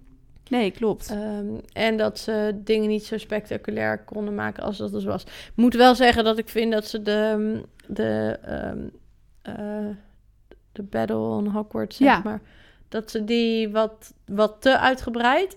dus die laatste film is eigenlijk wel mijn minst favoriet, omdat het met name gewoon oorlog is. klopt. En daar hou ik niet zo van. En Ja. de, hè, de- er zijn wel een aantal eh, ehm, ehm, theorieën of, of, of dingen die op zijn plekje vallen in die laatste film. Maar dat, eh, ja, ik weet niet. Dat is niet mijn favoriet, omdat het wel heel veel eh, gedoe is. Ik heb deel 7 ook echt beduidend vaker gezien dan deel 8 voor mijn gevoel. Omdat je dan denkt, ja, ben, eh, weet je, met een marathon, als je Ja, dan net ja. niet redt, oké, dan skip wel 8. Ja, precies. Het een hartstikke mooie, misschien met, met special effects en zo is hoor. Maar ja, eh, dat, Ja, dat, is wel dat- de minste. Ja, precies. Ja, vind ik ook. En ook wat ik echt heel zonde vind, echt een gemiste kans, is wat ik in het boek heel mooi vind. Op het moment dat eigenlijk echt het laatste stukje... dus Harry heeft zich al opgeofferd... en het is nu echt Harry versus Voldemort... en dat Voldemort helemaal sterfelijk is... Ja, dat hij hem ook niet meer Voldemort noemt, maar Tom Riddle of Riddle. ja klopt. Ehm, en ook dat als die dan dood is, dat hij gewoon een normaal lijk is, zeg maar. Dan is al die magie en de, de, de taboe om hem heen, et cetera, dat is allemaal weg. Het is gewoon een persoon die daar ja, gewoon een is. Precies. Ja. En dat vind ik in het boek vind ik dat echt perfect eh, gedaan. Dat hij altijd wordt gezien als een soort mysterieus, enorm sterk wezen. En op het moment dat al die gruzelementen dood zijn, dat hij gewoon een sterveling is. En, eh, en in het boek hebben ze, of in de film hebben ze dat, wat mij betreft, niet helemaal goed gedaan. Nee. En ook dat Harry dan heel veel toelicht. Eh, veel meer in het boek dan in de film natuurlijk. Over hoe bepaalde dingen zijn zoals ze zijn. Klopt. Ehm, ja. En dat sowieso dat, dat stuk in Goudgraf kort daarna gaan ze allemaal al naar Zwijnstein. Omdat ze dan, eh, omdat Harry volgens mij dat hoofd van Voldemort kijkt. Dus dan gaan ze Ja. al gauw ten, eh, ten strijde trekken. Ja. En dan valt je ook weer op hoe, hoe dapper al die mensen zijn. Want eh, ja, je moet gewoon vechten tegen dooddoeners. En ze werpen zich toch allemaal gewoon vrijwillig in de strijd. Natuurlijk niet iedereen, maar heel veel mensen gaan gewoon dapper dat, dat gevecht aan. Ja. En dan voel je ook gewoon, terwijl je leest, die, ja, die sfeer van oorlog en angst en paniek. En je weet ook gewoon wie, ja, wie het niet redden. Ja. Uh, en dat is wel heftig. Maar ik ben zeker met je eens dat dat eind heel sterk is. Um, maar ik ben toch wel heel blij dat Percy nog even langskomt in de Kamer Ja. van Hoge Nood.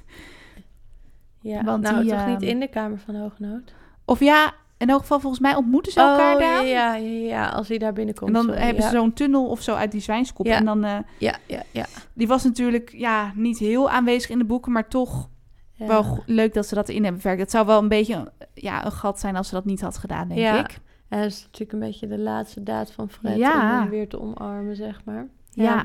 Oh, en dat stuk van Fred, nee, dat trek ik niet. Ik lees het dus wel, maar een beetje wat ik had met Sirius, maar dan eigenlijk nog erger had Ja. ik het op een of andere manier. Ja, ik vond Fred ook wel een van de ergste doden. Ja. Ook omdat hij dan net een grap tegen Percy maakt, weet je wel, weer typisch Ja. Fred, dan met een glimlach, maar dan toch dat je het weer leest dat je denkt, ik weet nog steeds Ja. niet echt of nou, nou er ontploft iets of zo. Nou, en toen was hij eh, ja, gesneuveld. Of ik weet niet of hij nou echt gedood werd door iemand, maar nou ja, dat Ja, ging er nou Collateral damage gewoon. Ja, En dat zie je ook met Tops en, en Lupin, die niet eens eigenlijk echt, waar niet eens wordt verteld hoe ze echt zijn Nee. overleden, volgens mij. Allemaal collateral damage. Ja, en dat heb je in dit soort situaties. Dus het is ook begrijpelijk. Het zou raar zijn als ze het allemaal als, ja, dan was het een beetje onrealistisch. Maar Ja. toch ook tops en lupos, dat je ook denkt, oh, ze hebben een babytje en zo. Dat je denkt, het is toch wel gewoon heel pijnlijk. Maar ja, Ja. dat hoort er dus gewoon, eh, gewoon bij. Nou ja, en, en ook zowel in de film als in het boek gewoon Anderling, McGonagall... hoe zij zich eh, hè, ook in de strijd gaat met ook al die standbeelden en zo. En al die, eh, ja, dat ze dat allemaal tot leven brengt. Dat al die docenten, dan heb je toch weer even dat Zwijnstein-gevoel, heel eventjes. Ja, zeker. Niet het gezellige, maar ehm, ja, Ja, maar wel het, het, het magische. Ja. ja. En dan, Ja, dan voel je wel een beetje die paniek van Harry... dat je denkt, je hebt geen idee waar je moet zoeken... met dat verloren diadeem, of hoe ze dat precies noemen... dat je denkt, hoe ga je dat vinden? Want het is al Ja. jaren eeuwen zoek. Ja, Maar dan op een of andere manier krijgt hij een bepaalde ingeving... van een, dat hij een geest moet hebben. Ik weet niet precies meer hoe dat zit, maar... dat voelde voor mijn gevoel ook een beetje bij toeval of zo aan... dat hij dat, hij dat dat, ontdekte. dat realiseerde. Ja. Ja, ja. dat, dat vind ik dan in de film leuker. Dat Luna dat bedenkt. Want dat is Ja. ook echt zoiets dat je denkt... Ja, zij zou inderdaad zo denken. ja, precies. Ja, maar inderdaad, omdat iemand heeft gezegd... eh, niemand levend heeft hem gezien. Ehm, en dat hij zich dan realiseert... misschien iemand dood wel. Ja, Ja, Ja, oh ja, dat was het inderdaad. Ja, klopt. Nou ja, Ja. en, en dat, je, je merkt ook in die, de angst van Voldemort... dat hij gewoon zijn stemmen zo door, die, door, die, door de vloer en alles kan laten komen. Dat Ja. hij zelf niet eens mee ja. eh. Maar ook wel, eh, ja, maar ook wel dat je realiseert hoe goed Voldemort Harry ook kent. Dat hij zegt, hij Ja. komt wel naar me toe vanavond. En dat Precies. doet hij natuurlijk uiteindelijk ook.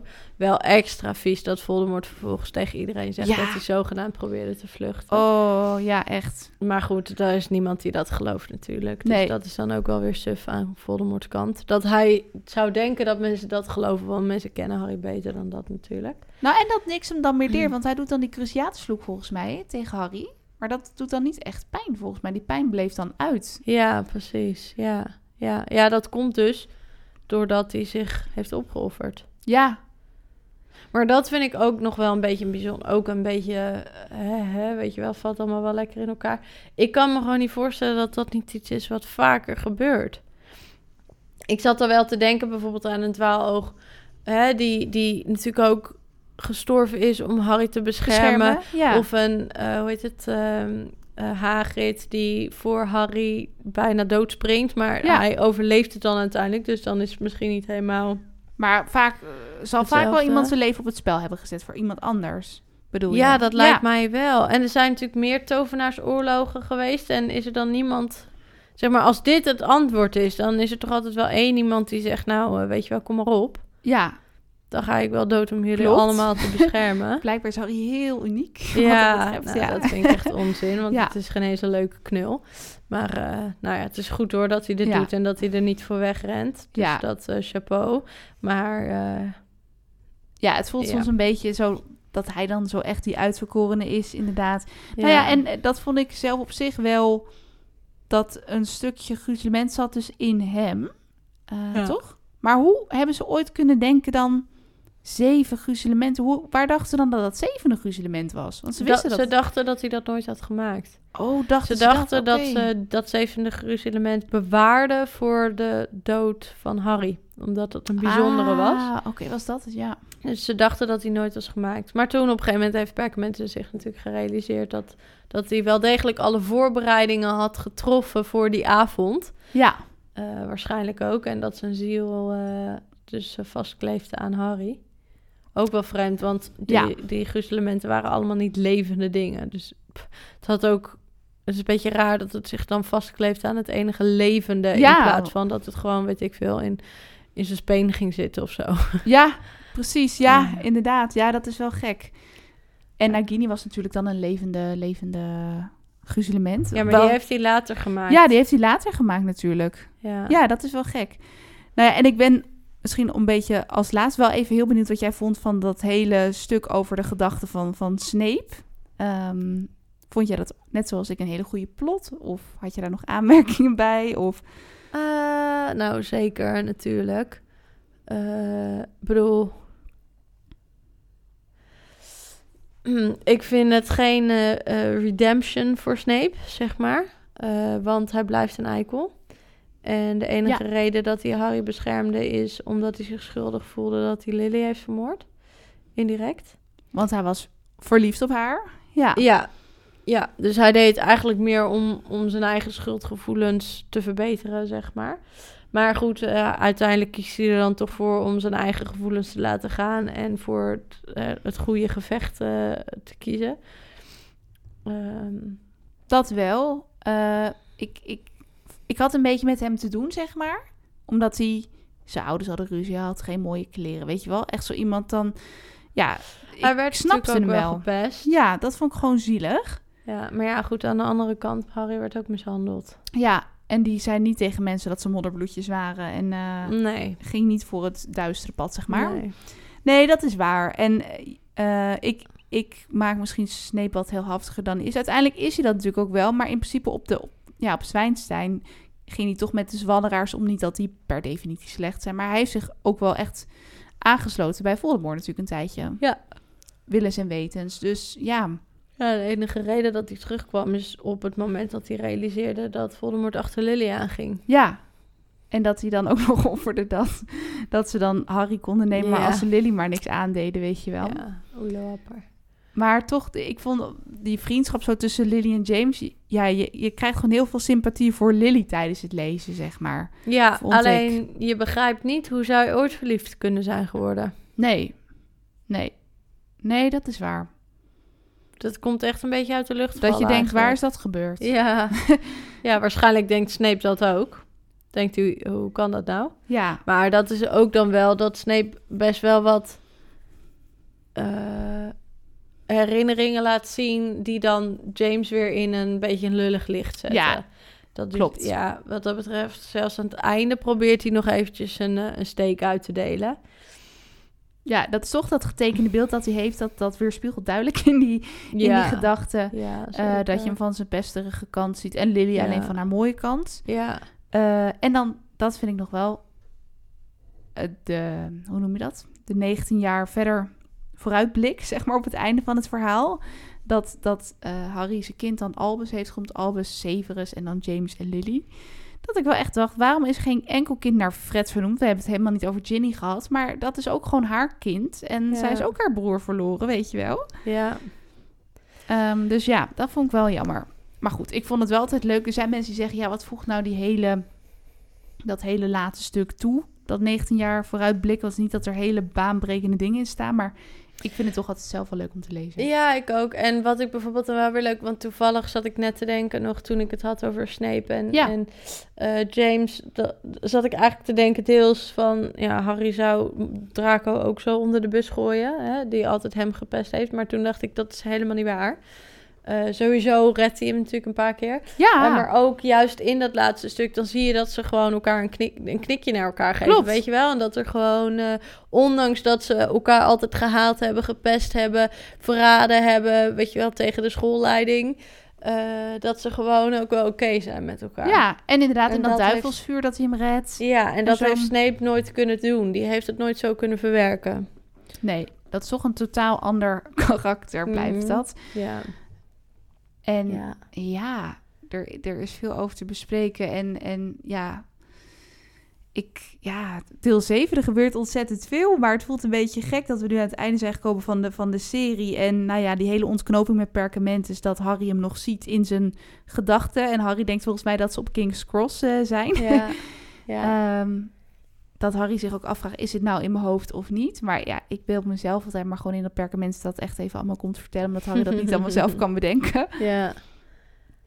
Eh, en het leuke is wel dat je op Zwijnstein met de schilderijen kan praten. Gewoon met, met mensen zelf. Ja, Ja, ja, ja. Ja, dat klopt. dat speelt Dat natuurlijk ook een belangrijke rol. Ja. want zo overlegt Snape natuurlijk steeds met perkamentus. Ja, klopt. En ik had dus helemaal niet door, maar eh Hermeline had dat schilderij van een van die professoren in haar tasje. En die Ja. professor die hoort dus vanuit de tasje of zo, ik weet niet precies, waar Ja. ze zijn. En dan gaat Snape daar die hinde Ja, klopt. naartoe sturen. Ja, Dus dat, dat vind ik altijd wel, dat vind ik wel leuke details. Dat ik denk, dat zit volgens mij wel redelijk goed in elkaar. Eh, je hebt wel eens dingetjes dat je denkt, waarom zit dat zo? Maar ik vond op zich die plot met Snape, dat hij dus inderdaad Livinius onder de Imperiusvloek verklaart. Hij, ja. hij doet se- sectum sempra naar George, maar eigenlijk was dat dus naar een dooddoener, weet je wel, dat Ja. soort dingen. ja. Dat, eh, ja, er vallen wel heel veel puzzelstukjes op Ja. hun plek. Dat, Soms dat zeker. En ik vind eh, gewoon de manier waarop 6 en 7 in elkaar ge- geweven zijn en zo, dat, dat vind ik sowieso gewoon wel heel gaaf gedaan. Ja, Maar ehm, ja, nee, ik vind het echt een, een goede. Het is een goede afsluiting. Ik vond het Ja. zelf als lezer niet teleurstellend. Nee, nee, zeker niet. Zeker niet. En, en ook gewoon dat, dat nog één moment dat, dat Hermelien en Ron elkaar dan... Dat hij dan Ron zich toch bekommert om de huiself. En dat het moment is dat ze elkaar omhelzen. Ja. En dat zelfs Harry dan niet eens blij is. Maar dat hij zegt, jongens, het is oorlog. We moeten Ja. verder, weet je wel. Oh, maar dat vind ik ook net Nou. zo'n leuk moment. Ja, maar ook. een beetje En ook leuk dat de huiselfen alsnog komen vechten. Ja, die komen Ja. vechten. Aangevoerd door Knijster. Ja, dat was ook wel een van de dingen die ik me afvroeg. Maar dat komt uite- helemaal aan het einde zit het dan wel. Dat ik op een gegeven moment dacht... waarom bedenkt niemand dat je een hele school hebt vol kinderen... die allemaal ouders hebben... die sowieso bereid zijn om langs te komen Ja. om die kinderen te beschermen. Allemaal heksen en tovenaars. Ze, alleen maar de, de eh, Order of the Phoenix die komt opdagen. En dan nog wat oude schoolmaatjes van, vanuit de DA. Klopt. Maar nou ja, en uiteindelijk is het dan Bill die bedenkt... Hè, die al die ouders eh, eh, volgens mij eh, bij elkaar haalt. Oh, toch wel? Oké. Ja, ja, maar Ja. dat is helemaal op het einde. Dus eigenlijk tegen de tijd dat Harry zich gewoon een keer heeft opgeofferd... en dan terugkomt, volgens mij is dat het moment dat, dat het tij keert... en dat, dat die dooddoeners van alle kanten worden bestormd... en dan Harry ook nog De leeft. en- centauren komen er ook nog eens bij. ja, de centaurs, de huiselfen, die ouders. Nou, en dan hebben ze wel door, oké, we hebben nu echt verloren. Maar ik kan me gewoon niet voorstellen van hoe ingewikkeld kan het zijn om, Ja. om die mensen erbij te betrekken. Waarom bedenkt niemand van die leraren dat van, ja, hè, we hebben hier superveel kinderen die beschermd moeten worden. Dan denken ze, nee, wij moeten het doen. Nee, bel gewoon die ouders. Of Ja. bellen ze dus niet doen. Maar Stuur een L. Stuur een L, ja. Of, Ja. Of, of weet je wel, stuur zo'n ehm, ehm, Patronus, zoals Ja, je vaker Patronus. ziet. Ja, Nou, dat heeft ook die Romeo Wolkveld. Dat ze dat Ja. trouwens niet vaker doen, is ook vreemd. Goed. ja sturen ze iedere keer uilen. Ja, doe gewoon een sprekende patronus. Maar goed. Ja. En, nou ja, en dat moment dat Molly toch Bellatrix te grazen neemt, Ja. dat is toch een lekker moment, hè? Ja, absoluut. Absoluut. Dat je Vooral denkt, eh, Molly. vooral Molly, die heeft toch veel in de mars. En Bellatrix, die lijkt zo onverwoestbaar. Maar dat toch zij dat moet doen, dat, eh, ja, dat geeft toch af en toe nog wel kipvel. Dat je denkt, yes. Ja. toch wel een beetje een soort Ja, van happy zeker. end. Ja, ja. Zonder dat het te zoetsappig is. Ja. Maar ehm, ja. Ja, gek. Dave, we hebben gewoon zeven boeken besproken over Harry Potter. En Ja. ehm, nou ja, ik, ik ben ook benieuwd wat de luisteraars thuis van vinden. Ik denk dat, ja, wat ik net zei, dat iedereen die meeluistert wel weet. Ja, we springen soms van de hak op de tak, maar iedereen heeft het waarschijnlijk net als wij gewoon duizenden keren al gelezen. Of in elk geval Ja. tientallen keren. En ja, er is nog, nog zoveel, ook met Desideris, wat we nog niet eens hebben besproken. En, en nou ja, allemaal, allemaal dat soort dingen. Die Ja. brief van zijn moeder. En, nou ja, en technisch gezien is er nog een vervolgdeel, toch? De Cursed Child? Ja. Heb jij die gelezen eigenlijk? Eh, ja. Wel, oké. ja, Ja. ik dus niet heel erg. Ja, dus, maar het is een- niet een boek, het is een Nee. script. Ja. Ik heb het theaterstuk inderdaad gezien. Daar komt dus ook weer uh, Malfi, dus komt weer lekker naar voren. Ja. Ehm, Ja, ja, zelf vind ik dat wel een beetje allemaal te ver gezocht. Nou, dat verhaal, het theaterstuk was echt een aanrader. Maar op zich, het verhaal zelf was niet dat ik dacht, nou, zoals dit, weet je wel, van wow, Nee, wat een precies. plot of zo. Nee. Het was meer gewoon heel goed geacteerd en goede effecten. Maar ik ben Ja. wel benieuwd hoe dat dan uitziet in boekvorm. Want het is inderdaad gewoon een toneelscript. Ja, Maar goed, ja. nou, Nou, het leest wel lekker makkelijk weg Ja. hoor. Maar... ja, dat, het zal wel wat Ja. sneller uit zijn dan een ander eh, Harry Potter boek. Ja, zeker. precies. Ja. Nou, dankjewel. Denk je dat we zo alles hebben besproken? Of heb je nog een eh brandende Eh, laatste toevoeging? Nee, dat je ik denk het niet. Ik denk dat we er wel doorheen zijn. Ik zal nog even door mijn notities scrollen. Maar... Oh, nou, misschien een, een afsluiting. Ja, leuk. Ehm, ik vind het heel leuk eh, dat dit boek het duidelijk maakt, zeg maar, tenminste, dat komt hierin heel erg naar voren, dat een, eh, een prophecy heel snel een self-fulfilling prophecy wordt. En het zit natuurlijk ook al eerder in het boek, hè, dat, dat eh, Voldemort Harry uitkiest en daarmee de prophecy vervult. Ja, Maar gewoon eh, hoe alles uiteindelijk samenkomt, et cetera. Vind, vind ik dat dit boek dat echt de das omdoet van... Of tenminste, maar dat het heel goed laat zien van... Een, een, zeg maar, als je iets voorspelt... En je laat dat aan andere mensen weten, zeg maar... dan vallen de puzzelstukjes vanzelf op de, op de plaats. want je gaat erin geloven. Ja, De een kan niet voortleven als de ander niet dood is. En Precies, dat klopt ja. allemaal. Ja, Ja. ja, Ja, nee, zeker. Dat, dat, dat, is, dat is gebeurd. ja. dat is één ding wat zeker is. En dat Harry dus toch niet heeft gedood. Vind ik ook wel weer leuk. Dat het toch weer die Expelliarmus is waar iedereen altijd denkt... ja maar jij dat weer is eigenlijk best wel raar. Waarom gaat Voldemort dan dood? Ja, volgens mij Die, eh, die door zijn eigen weer vloek. kaatst. Ja. Zoiets. Want hij zegt Avada Harry zegt Expelliarmus. En dan wordt hij gedood door zijn eigen vloek. Door zijn eigen dood. Dus dat is ook weer een mooie moraal. Ja, maar ik snap niet helemaal hoe dat dan ging. Maar dat... Nee, nee, dat is toch weer mis- misschien, eh, ja... Ja, maar goed. Harry toch niemand heeft kant- vermoord. Ja, maar heeft hij niemand vermoord? Misschien wel indirect. Mm, nee, oh ja, bij Nou. Sjaak Stuurman deed hij ook Expelliarmus volgens mij. Ja, maar bijvoorbeeld in boek 1 eh, heeft hij Krinkel best wel vermoord. Oh ja. Ja, dat is waar. Die was wel dood. Ja. en ik denk, er vielen volgens mij ook wel wat van die dooddoeners van hun bezem af. Ja, precies. Inderdaad. Ja, dat is waar.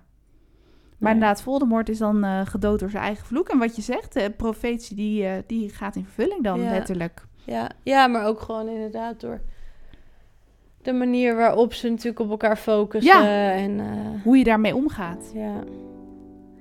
Nou, leuk. Dankjewel voor het bespreken. We hebben gewoon alle zeven boeken gehad. Nou, Ja. en ehm, ik ben benieuwd wat onze volgende aflevering gaat worden. Ja. Ja, moeten we weer iets nieuws uitzoeken. Ja. Nou, iedereen thuis, dank jullie wel voor het luisteren. Laat gerust weten of jij nog eh, ja, magische, spannende, bijzondere dingen hebt ontdekt in het boek. En vind het altijd leuk als je ons even een berichtje stuurt als je onze aflevering hebt geluisterd. En eh, ja, we zijn heel gauw weer terug met een nieuwe aflevering. Tot dan.